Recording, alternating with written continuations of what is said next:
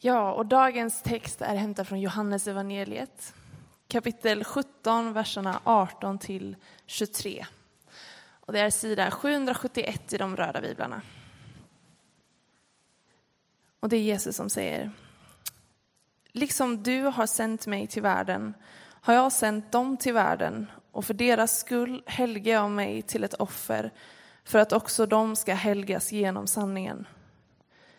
Men inte bara för dem ber jag, utan också för, för alla som genom deras ord tror på mig. Jag ber att de alla ska bli ett och att liksom du, Fader, är i mig och jag i dig, också de ska vara i oss. Då ska världen tro på att du har sänt mig. Den härlighet som du har gett mig har jag gett dem för att de ska bli ett och för att liksom vi är ett jag i dem och du i mig, de ska fullkomnas och bli ett. Då ska världen förstå att du har sänt mig och älskat dem så som du har älskat mig. Så lyder det heliga evangeliet. Lovad vare du, Kristus. Det känns som att vi inte blir mer i världen idag. Det är svårt att veta hur det är. Men det känns som att splittringen sprider sig.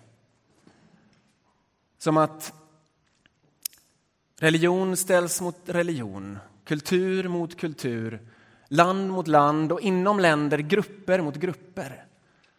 Och även i kyrkan så går det djupa sprickor som märks ibland när något ämne kommer upp som vi inte kanske egentligen vågar tala om för att vi vet att det blir så kontroversiellt. Så känner jag det i alla fall. Och det är egentligen lite konstigt. Därför att det borde finnas möjligheter för oss, mer möjligheter än någonsin i världshistorien, att komma överens och nå varandra med internet, med moderna kommunikationer så är det som att världen ju krymper. Och ändå, för att citera Marie Demkers föredrag nu på onsdag, världen krymper men sprickorna växer. Konstigt. Obehagligt, för mig i alla fall.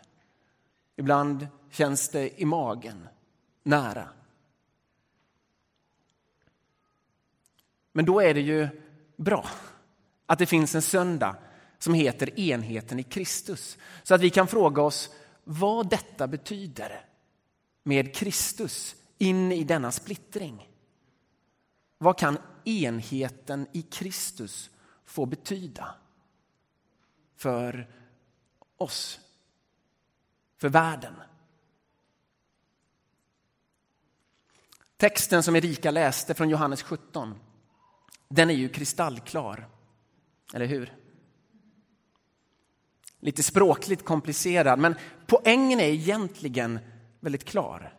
Eftersom Fadern och Sonen är ett så kan vi vara ett. Och när vi är ett, ja då förstår världen att Gud älskar alla människor. Det borde vara ett bra recept. Det finns dock en risk att det är svårt att ändå förstå. Vad då? Jag är i Fadern, som Jesus säger, och Fadern är i mig och ni är i mig. Alltså, det, det är svårt att greppa. Tycker jag i alla fall. Och så när jag har bett och tänkt över den här texten så har jag fått en bild för mig som jag tänkte dela med mig av och se om den gör någonting. Och då har jag tänkt för mig att vi har Gud fader här tillsammans med sonen och anden. Har vi en ande?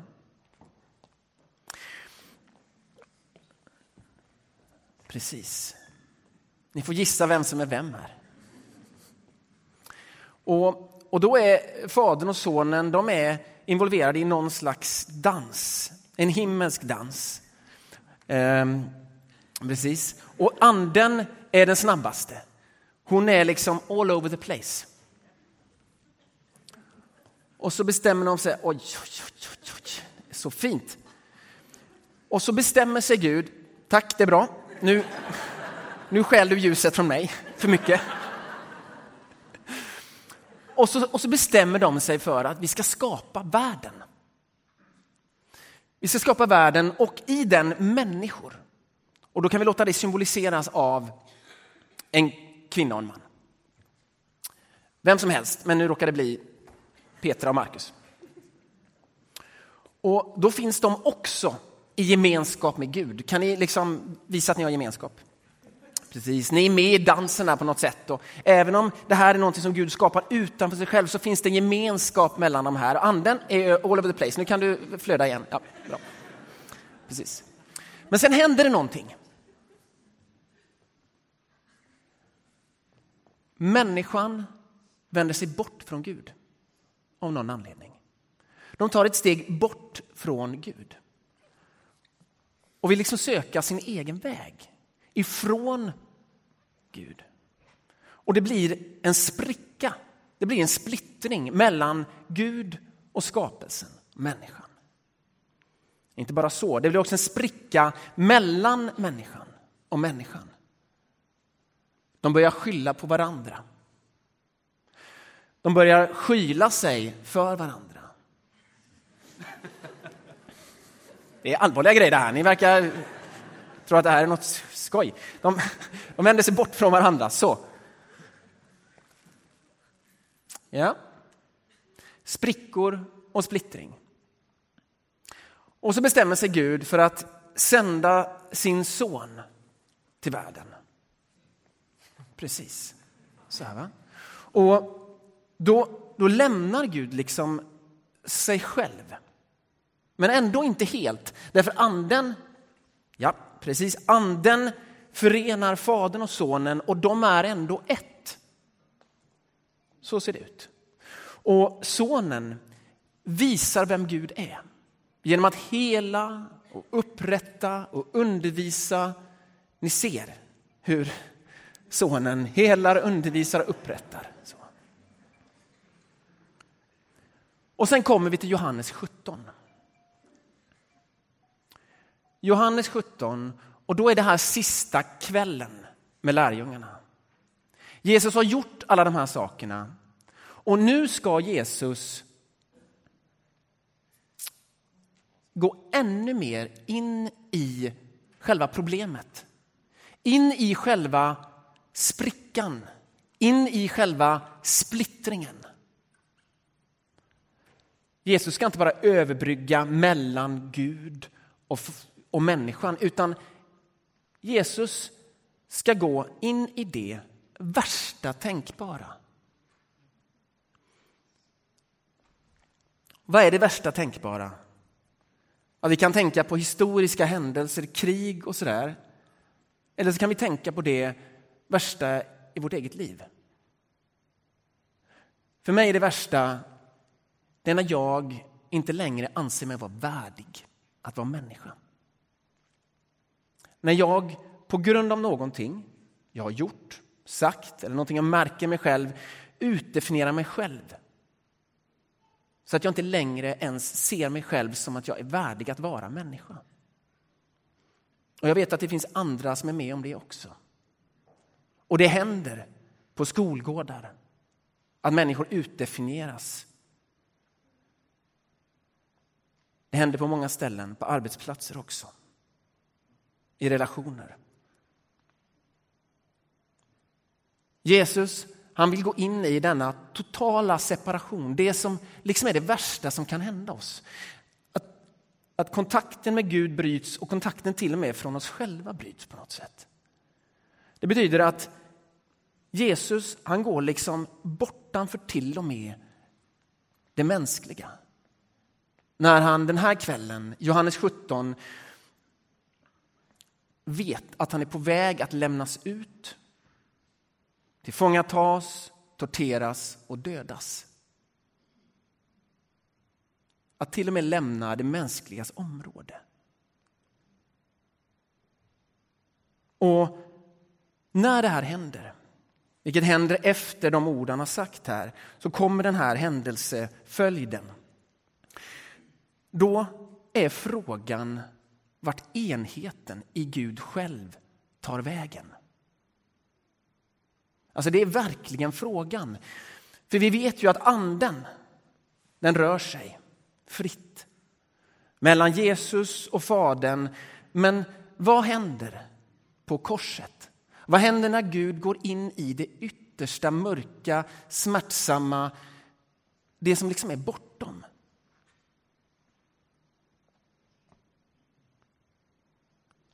Ja, det verkar som att sonen till och med överges av Gud.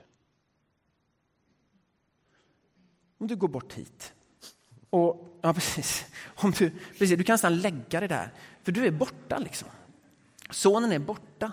Och anden som tidigare har rört sig så fritt verkar inte heller komma åt. Det är så det ser ut, det är så det låter. Min Gud, min Gud, varför har du övergivit mig? Det är ingen segerviss son som går upp på korset. Låt den här kalken gå ifrån mig. Jag vill inte detta.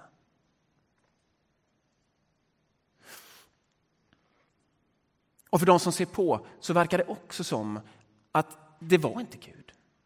Sonen sa att han var i Fadern, att det var i Gud, men det verkar inte så. Alltså, någon som korsfästs på det sättet, det är ju tecknet på att han inte är Gud. Den Gud som ska komma med liv till skapelsen har dött. Och lärjungarna ger upp. Så att till och med när han faktiskt uppstår på tredje dagen så förstår de inte det. Därför de har tagit för givet att det var slut. Att sonen som påstod sig vara i Fadern inte var i Fadern. När han uppstår, ja, då ser vi, och lärjungarna också, även om de inte förstår, vissa förstod ju, då ser vi att anden omsluter allting i hela världen. Så, till och med döden. För det är anden som väcker Gud som väcker Jesus till liv. Och anden fortsätter runt här. Linda fortsätter runt här, precis. Du omsluter hela världen. Gud omsluter hela världen. Alltså det som var den yttersta splittringen har genom Jesu offer inneslutits i Guds enhet.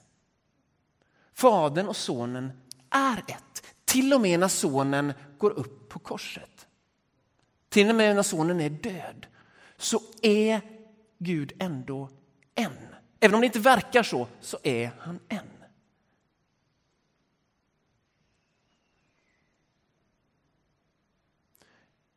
Marcus och Petra, stanna kvar här. Ni andra kan gå ner. Gud kan gå ner i sina olika personer. Och så ersätter vi Guds enhet med det här hopprepet. Därför det är det som har hänt. Att Guds enhet och Guds kärlek den har visat sig räcka för all den splittring som vi ser och är med om. Den heliga ande krånglar här. Jag hade förberett detta så bra, men anden är oförutsägbar. Man vet aldrig vad man har henne. Så den heliga ande sträcker sig runt människan i all sin splittring så här. Va? Ni ser, det är nästan, det sitter nästan ihop här. Så, ja. Det finns ett ord för detta i texten och det är härlighet. Härlighet är ett väldigt märkligt ord. Vi tänker på en vit strand med palmer och eh, någonting bra att läsa. Eller en godisaffär med godis från golv till tak. Inte du Angelin? Nej. Härlighet, det låter ju så härligt. Men när Jesus säger att han har fått härligheten från Gud och gett det vidare till människorna så är det precis den här rörelsen han talar om. Hela vägen in i döden, upp på korset och sen uppståndelsen. Alltså hela den rörelsen, det är Guds härlighet. Det vill säga inte en härlighet som är tandlös utan en härlighet som inbegriper offer. Som också är ett ord som dyker upp i den här texten. Jag vill påminna om det, att den härlighet som vi besjunger, det är inte bara en godisaffär. Så va? Med massvis av Nutella-burkar. Ett kilos Nutella-burkar. Eller, eller liksom en paradisö. Utan det är offret som ger allt för dig. För att du, när du tror att du är utesluten från det mänskliga, så är du inte det. Guds heliga ande, Guds härlighet räcker runt dig och den splittring du är med om.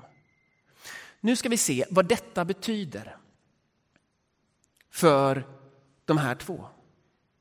De här två som är du och din kollega. Du och din make eller fru. Vad det betyder för den som har en konflikt mellan kyrkor och så vidare och så vidare.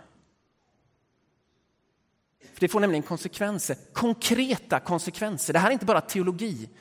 Det här är inte bara något som står i Bibeln. Det betyder någonting när vi hamnar i det här som känns som allt annat än enhet. Vi ska se på det. Och jag tror att ni kan sätta er nu, annars så kallar jag upp er igen. Men ni, ni var bra på att vara splittrade och sådär. Ska vi se om vi kan få ihop det här. Det första det är att eftersom Gud har gjort detta och visat sin härlighet på det här sättet så är enheten nödvändig. Den är inget man kan förhandla bort. Om man tror på Gud, då behöver det finnas en fundering kring, hmm, är vi ett? I det här äktenskapet? Håller jag på att vända mig bort nu? Är vi ett på den här arbetsplatsen eller har jag definierat bort någon? Har jag börjat tala illa om någon istället för att tala med den? Alltså, då behöver man ha funderingen. Man behöver också ha funderingen, vill jag föra vidare budskapet om Jesus som älskar alla men ändå leva i en konflikt med en annan kyrka? Ändå tala illa om andra kyrkor. Det låter inte som att det går ihop. Alltså det som Jesus har upprättat, enheten i sig själv. När han har sonat splittringen i sig själv, ja, det antyder liksom, om jag ska tala försiktigt, att som kristen, om man tror på det, då bör man dra sig mot någon slags enhet.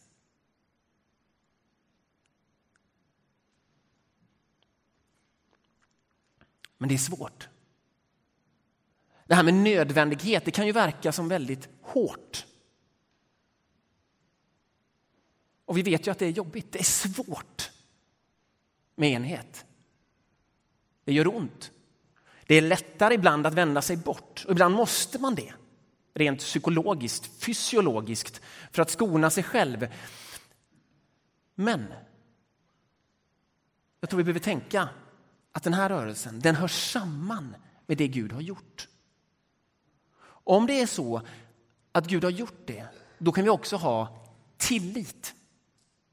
Vi behöver inte lägga det helt på oss själva, att vi ska klara det som Gud vill. Vi kan lita på att han har påbörjat sitt verk. Och ibland så tror jag att det här är så viktigt. Därför att om vi tror att vi ska fixa detta själva, om vi tror att vi ska ta ansvar för allt det vi känner av kränkthet eller svårigheter, om vi ska fixa det själva utan tilliten till Gud, då blir det oss övermäktigt. Och jag tror ibland att det är bristen på tillit som gör att jag inte tar upp med min granne. Att det där som händer gång på gång, det, det blir jobbigt för mig. Jag tror att det är bristen på tillit som gör att jag inte vågar ta konflikten.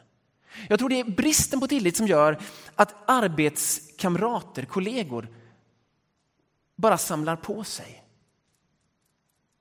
Tills det plötsligt inte går längre. Därför man vågar inte lita på att det håller. Alltså enheten som vi talar om, den handlar inte om att undvika konflikt. Alltså konfliktfrihet, det är inte enhet, tänker jag i alla fall. Nej, enhet det förutsätter att du vågar ta konflikten med den andra. Inte för att förgöra den, utan för att nå en försoning. Men oj, jag vet inte vad du tänker. Men är det något vi skulle behöva öva oss i, så är det det. Hur tar vi konflikter? Hur pratar vi med varandra? Och då menar jag inte vi går till den andra grannen och pratar om den första grannen. Eller till hyresvärden eller bostadsrättsföreningen eller ringer GP och berättar. Alltså hur, hur möter vi varandra? Jag tror att vi behöver lita på att Gud håller detta i sin hand. Han har redan inneslutit detta. Och, det, och tillit, det är någonting man gör. Det är något som betyder att man väntar in. Vad vill Gud göra med det här? Och något av det mest fantastiska jag varit med om, det är när jag har haft en sån där otäck konflikt med min fru. Och så tänkt, jag måste pröva tilliten. Jag måste vänta och se vad Gud vill göra med det här. Och, och liksom våga tänka tanken, det här kanske inte är en återvändsgränd, detta kanske är en dörr. Och att få med då vad Gud gör när man faktiskt testar det och väntar in. Det är ganska läckert. Nödvändighet, tillit, ödmjukhet. Ja, men det förutsätter ju ödmjukhet. Att jag inte tror att jag vet sanningen om den här konflikten. Att jag inte tror att jag äger sanningen om vem Gud är, hur man ska vara kyrka och så vidare. Att det finns en viss distans. Att jag inte är den som äger det. Jag kan ha uppfattningar, jag kan ha känslor, men att jag inte slutgiltigt tror att det är jag som ska fixa detta, att det är jag som äger det. Ödmjukheten. Och om man är ödmjuk, om man är liksom lite försiktig där, om man inser att jag, jag har inte det hela, då kan ju en längtan födas. Då kan ju längtan födas efter att få se mer. En längtan efter att få se mer av Gud genom en annan människa. En längtan att få reda på någonting om mig genom min fru. Att bli mer mig genom den här konflikten. Hur mycket längtar du i konflikter, i splittring? Hur mycket längtar du efter att få se mer? Hur mycket använder du den här konflikten för att se mer av Gud? Peter Halldorf har gett ut en bok som heter Att älska sin nästas kyrka som sin egen. Det är en kort bok, en billig bok. Och den ska du läsa. Om du vill. Eh, inte bara för att man får massa berättelser från kyrkans historia, utan för att bli smittad av denna mans längtan, av andra människors längtan. Så här citerar han en teolog som jag inte har någon aning om vem det är, som heter Klaus Hemmerle. Han kunde säga till de som fanns i de andra kyrkorna, jag lämnade inte förrän jag har sett andens gåvor i dig. När mötte du sist någon från en annan kyrka och sa, jag lämnar inte förrän jag har sett andens gåvor i dig? Han säger vidare, den kortaste vägen till Jesu närvaro mitt ibland kyrkorna kommer inte av att vi undviker det som skiljer oss åt eller av att vi på ett forcerat sätt försöker sammanfoga det som åtskiljer oss, inte heller av eftergifter och kompromisser. Utan att vi säger ja till den korsfäste. Det som skiljer oss åt blir då en nyckel till enheten. Det som gör oss illa blir porten till glädjen. Målet är att vi till sist ska kunna ge varandra Andens gåvor och därigenom finna den enda och djupa grunden för enheten. Den som återspeglas i den heliga treenigheten. Treenigheten, Fadern, Sonen och Anden. Att lära känna det. Jag längtar efter mer av den längtan. Men när vi längtar efter det, då är det farligaste vi kan göra, tror jag, typ, att tro att det ska bli enkelt. Vi måste inse att det är hårt arbete. Alltså om vi tror att enhet i församling, enhet i relationer, enhet mellan kyrkor är en dans på rosor utan taggar, då kommer vi att tvärvända så fort det blir svårt. Nej, det här äktenskapet var nog inte menat, för så här jobbigt kan det ju inte vara. Den här relationen, nej, men det ska nog, nej så här jobbigt ska det inte vara. Den här arbetsplatsen, det är något sjukt här, så här jobbigt ska det inte vara. Jo, det ska det. Därför att gå tillsammans och bli mer ett, det innebär att du stöter in i det som är dina kanter. Att du stöter in i det som hände här, splittringen, sprickorna. Och vägen framåt går precis via dem. Kom ihåg härligheten. Det är inte bara uppståndelsen. Det är inte bara Nutella-burkar. Utan det är också korset. Det är den härlighet som Jesus fick och ge vidare till oss. Blev det tungt nu med arbetet? Det sista, det är ju hoppet. Återigen, vi behöver se längre fram, som Markus sa inledningsvis. Vi behöver se längre bort och se vart vi är på väg. Och det är det vi gör i en sån här gudstjänst. Vi synliggör någonting som ännu inte riktigt finns. Markus, du sa att vi sjunger lovsång och liksom enas i det. Men vi ska inte tro att vi är enade här. Om du tror att alla andra är likadana och att du sticker ut, gå inte på det.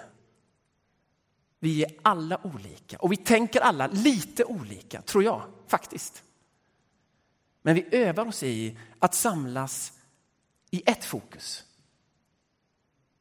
På Guds härlighet, det som är både kors och liv. Det som är ett bröd som bryts för att komma över sprickorna, men som är ett bröd.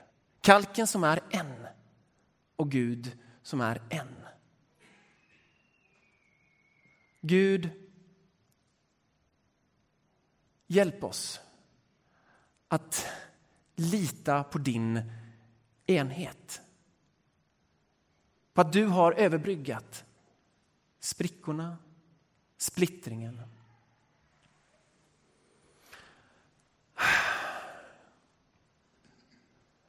Gud, ge oss ödmjukhet, tillit till dig och längtan. Längtan efter mer av dig. Herre, ge oss kraften att gå även de där måndagsmorgnarna eller de där kriserna i hoppet om det som är på väg. Den enhet då vi alla står tillsammans i en evighet i din kärlek. Amen.